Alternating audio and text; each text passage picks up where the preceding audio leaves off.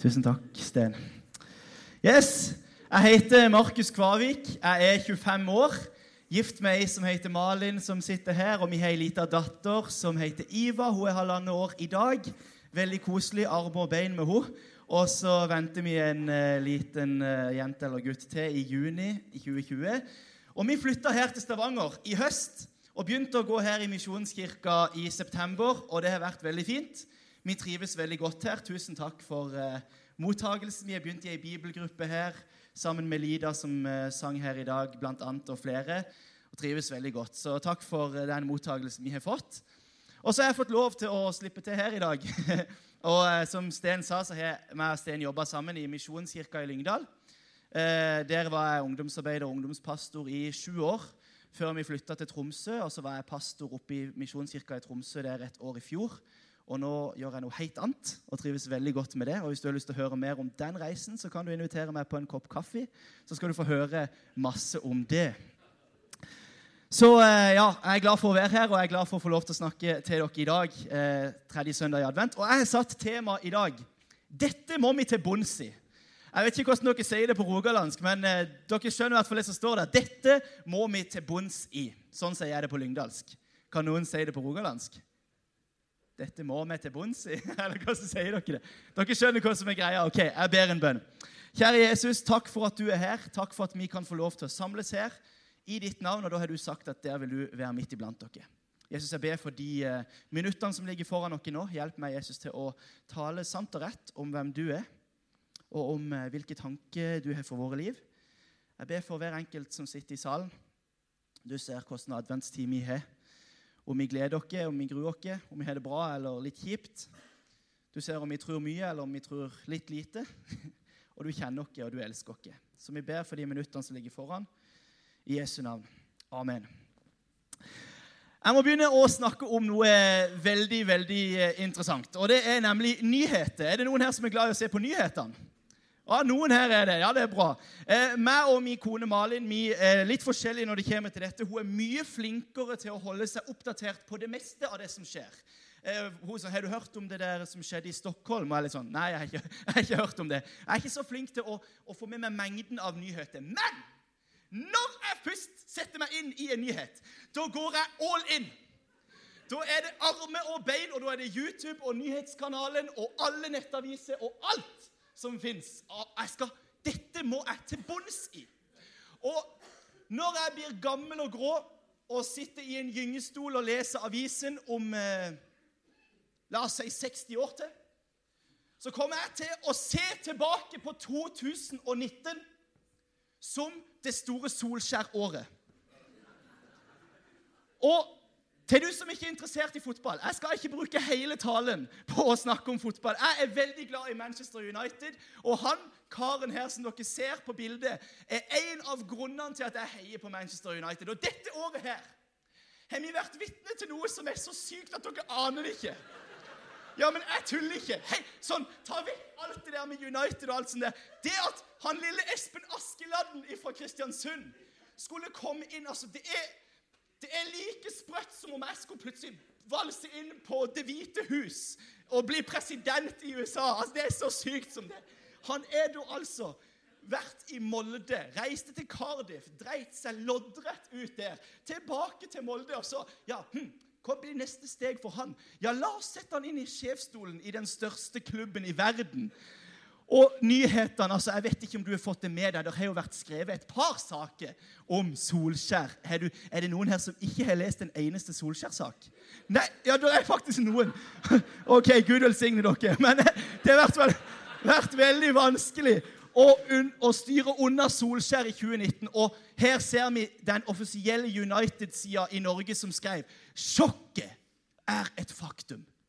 Solskjær har blitt Manchester United-manager. Og når disse nyhetene begynte å florere på Internett Jeg var overalt. Jeg var på YouTube, jeg var på nyhetskanalen. Jeg var overalt og satte meg inn i Hva har han sagt? Så ringte en kompis. 'Har du hørt det som Brede Hangeland sa?' 'Nå har han sagt at Solskjær er på plass.' Og, og så diskuterte vi dette her. Og jeg skulle ha med meg absolutt alt som ble sagt og skrevet i den saken. Dette måtte jeg til bunns i. Og det er ikke første gangen at dette har skjedd. Veldig ofte når det kommer nyheter som jeg virkelig interesserer meg for, så går jeg all in. Dette skal jeg til bunns i. Og kanskje du kan kjenne deg igjen i det at du har lest en nyhet eller et eller annet som interesserer deg, og så bare blir du så oppslukt av disse nyhetene og dette budskapet som blir fortalt, at du klarer liksom ikke å la være å lese hva er det nå som skjer. Har det vært noe mer som har skjedd? Har det kommet noen uttalelse fra Erna? Har det kommet noen uttalelse fra han som var involvert i dette? her? Og så bare setter man seg inn i det. Dette må jeg til bunns i. Og denne jula her, denne førjulstida, så er det jo advent, og det er juleevangeliet, og det er julens budskap. Og jeg prøver å tenke litt på det der juleevangeliet når desember kommer. Og i år så er det en gruppe gruppe som blir nevnt i juleevangeliet, som har fanga absolutt all min oppmerksomhet. Og det er de som kalles for de vise menn. Og Hvis det var noen i juleevangeliet som viste en 'dette må vi til bunns i'-holdning, så var det de vise menn. For for meg så er det tungt nok å ligge strak ut på sofaen og komme meg bort til skapet for å hente chipsen og tilbake igjen. Men disse tre eller fire eller fem jeg vet ikke egentlig, men tradisjonelt sett sier vi tre, disse vise mennene De reiste altså så dyrisk langt basert på at de hadde sett ei stjerne. For en overbevisning! Liksom, hvor god, og det som også har fanget meg, jeg, jeg jobber i Sandnes og bor på Grannes. Og jeg pendler da mellom her og jeg kommer i rushet, men jeg er alltid i venstre fil. Make no mistake, jeg skal ligge i venstrefil og komme meg så kjapt som mulig hjem. Men det som er slått meg når jeg har kjørt der i rushet, det er hvor seint det gikk for de vise menn. Og hvor god tid de hadde til å ombestemme seg. For de hadde jo ikke bil. De hadde jo ikke motorvei. De kunne ikke ligge 10-15 over fartsgrensa. Ikke det at jeg gjør det, men dere skjønner. Det, det gikk så seint med de vise menn. Kanskje hadde de fikk de stein i skoene. Og så, eh, det passer ikke så greit. Hvem var disse her vise menn? I Bibelen så, det, det ordet som blir brukt, det kan bli brukt om vise menn, rådgivere eller folk som var eh, sånn rådgivere med kongehoffene. Og Vi vet ikke så veldig mye om hvem disse her vise menn var, hvor de kom ifra. Men det står at de kom fra Østeland, eller de kom fra Østen. Og de reiste langt, mange mil sannsynligvis, for å se dette som hadde skjedd, basert på ei stjerne som de så. Mange tror at disse var stjerneobservatører, og at de var rett og slett astronomer. Stjernetydere. Og De reiste basert på at de hadde sett denne stjerna. De hadde hørt profetene snakke om at det skulle komme verdens frelser til byen Betlehem. Og så la de ut, basert på ei stjerne, så la de ut på en reise. Vi skal, vi skal lese ifra Matteus, kapittel 2. Og Så skal vi lese vers 1 og 2, og så skal vi hoppe til vers 9 til 12. Da de hadde hørt Nei, her står det. Da Jesus var født i Betlehem, i Judea, på den tiden Herodes var konge, kom noen vismenn fra Østen til Jerusalem og spurte De spurte kong Herodes. Hvor er jødenes konge, som nå er født? Vi har sett stjernen hans gå opp, og vi er kommet for å hylle ham. Og Så prater disse vise mennene litt med Herodes, og Herodes liker dårlig at det skulle komme en ny konge for det var jo han som var konge, og det hadde ikke han noe lyst til. Men han sa, 'Gå og finn dette barnet, og kom tilbake igjen til meg.' Og Når den samtalen med Herodes er ferdig, så leser vi videre ifra vers 9. Da de hadde hørt kongens ord, dro de av sted. Og se, stjernen som de hadde sett gå opp, gikk foran dem, inntil den ble stående over stedet der barnet var. Da de så stjernen, ble de fylt av jublende glede. De gikk inn i huset og fikk se barnet hos moren Maria. Og de falt på kne og hyllet ham. Så åpnet de skrinene sine og bar fram gaver til barnet. Gull, røkelse og myrra. Dette må vi til bunns i. Her leser vi om disse vise mennene fra Østen som ser ei stjerne, og som legger ut på en lang reise. Og det er noe med denne her stjerna som har bare fått min oppmerksomhet denne her jula. For jeg, kan ikke annet enn å tenke at jeg syns det er litt vagt. Tenk at de la ut på den lange reisen uten bil, uten noe slags Kanskje hadde de kameler. Men tenk hvor mye de ofra. Tenk hvor lang tid det tok. Som jeg sa i stad, Tenk hvor god tid de hadde på å ombestemme seg. Kanskje var det dårlig vær en dag. Vi vet ikke. Hvor mange unnskyldninger kunne de ikke klart å komme opp med for at Gutta, er det verdt bryet? Skal vi gidde å fortsette? Det bare, dette står det jo ingenting om, men det er bare meg som prøver å sette meg inn i Det var jo ikke sånn at det var bare ja, vi sjekker nabohuset om han ble født. De ser ei stjerne, og så tenker de Kanskje dette er et eller annet. Vi, vi, vet jo veldig lite, men de legger ut på en reise som er lang og krevende, basert på et tegn de så. Stjerna var katalysatoren som satte i gang en prosess, og som, som fikk de til å begynne på denne her reisen. Et tegn som førte til en handling, en reaksjon hos vismennene. Vismennene så et tegn som de tolka som at dette må være tegnet på Han som vi vet at skal komme, som skal være verdens frelser. Og så handla de på det. Og så gikk de på en vandring. Hvor lang var den vandringa? Hvor lang tid tok det? Var de sultne underveis? var det god stemning hele veien. Jeg bare ser for meg at de hadde god tid og tusen gode grunner for å ikke starte på den reisen. For å ikke begynne på den vandringa mot stjerna, mot det som de håpte og trodde og hadde en overbevisning om at skulle være verdens frelser. Men kom, tenk hvis det var en bomtur! Tenk hvis de kom fram, og så fant de ikke stallen. Alle disse tingene her ser jeg for meg jeg kunne sagt ja, men vi vet jo ikke om vi finner den. Er dere med på tanken? Ja, men, men det er jo litt langt.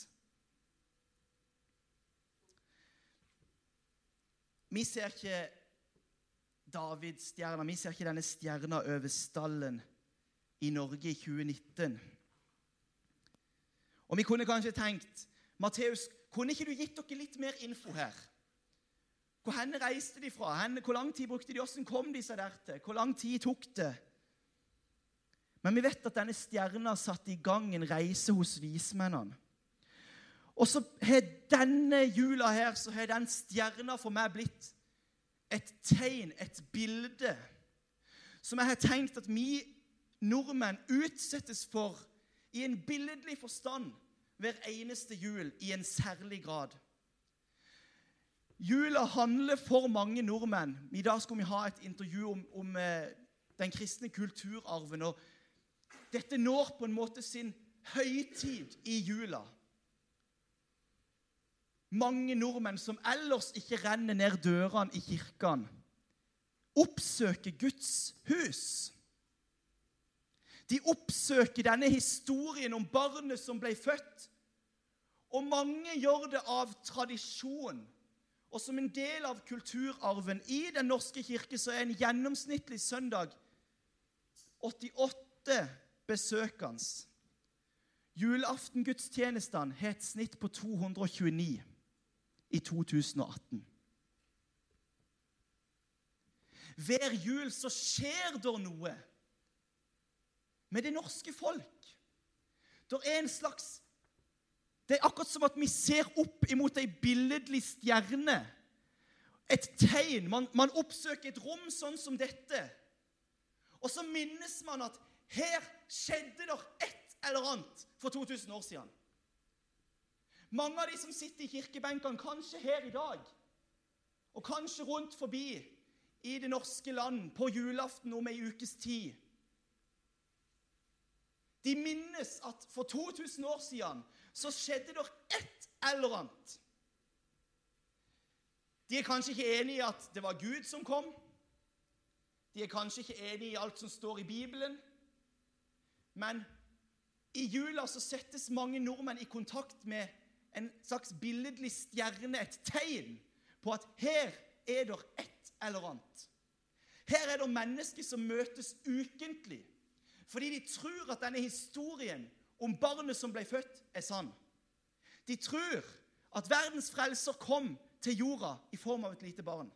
De tror at Jesus var den han sa han var. Og så settes Norge i kontakt med dette i jula på en særlig måte. Og så ble det akkurat som for meg når jeg forberedte meg, at det ble som en slags sånn stjerne. Mange nordmenn ser et sånt tegn, på en måte. Her er det et eller annet. Det er mennesker rundt meg her som går i denne kirka til daglig eller til ukentlig. De tror på dette som jeg får høre om her. Og så er det som jeg på en måte har bitt meg merke til, at Men har du starta på vandringa mot Jesus? Har jeg tatt ut på den vandringa mot Jesus? Vismennene så et tegn.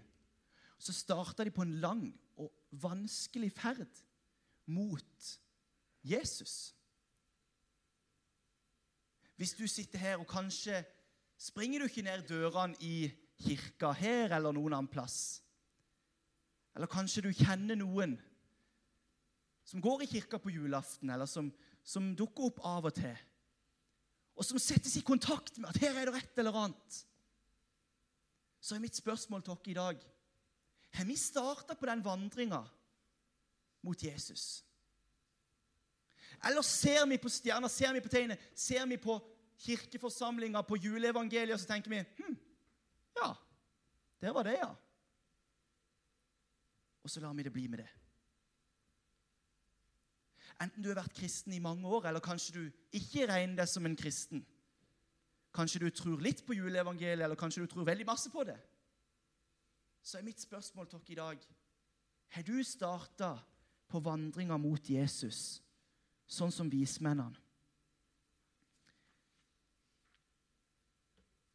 For jeg tror akkurat som jeg ser for meg vismennene kunne ha tusen gode grunner for å snu. Tusen gode grunner for å ikke ta stjerna på alvor eller bli liggende på sofaen. ah, det er litt langt. Betlehem. Se for deg den turen, da. Så tror jeg vi i dag i Norge i 2019 òg kan komme opp med mange unnskyldninger for å ikke på en måte ta stilling til disse spørsmålene. Ikke ta inn over oss julas budskap og skyve det litt foran. Og kanskje en dag der framme når jeg sitter på eldrehjemmet eller et eller annet, kanskje jeg da kan ta inn over meg om det var faktisk Gud som kom til jorda. Men nå så passer det ikke. Nå er jeg busy med å leve livet. Et spørsmål til. Har du tatt julas spørsmål på alvor? Har du tatt julas budskap inn over deg? Tror du på det? Eller er det, handler det mest om tradisjon? For det er en fin tradisjon. La oss være enige om det.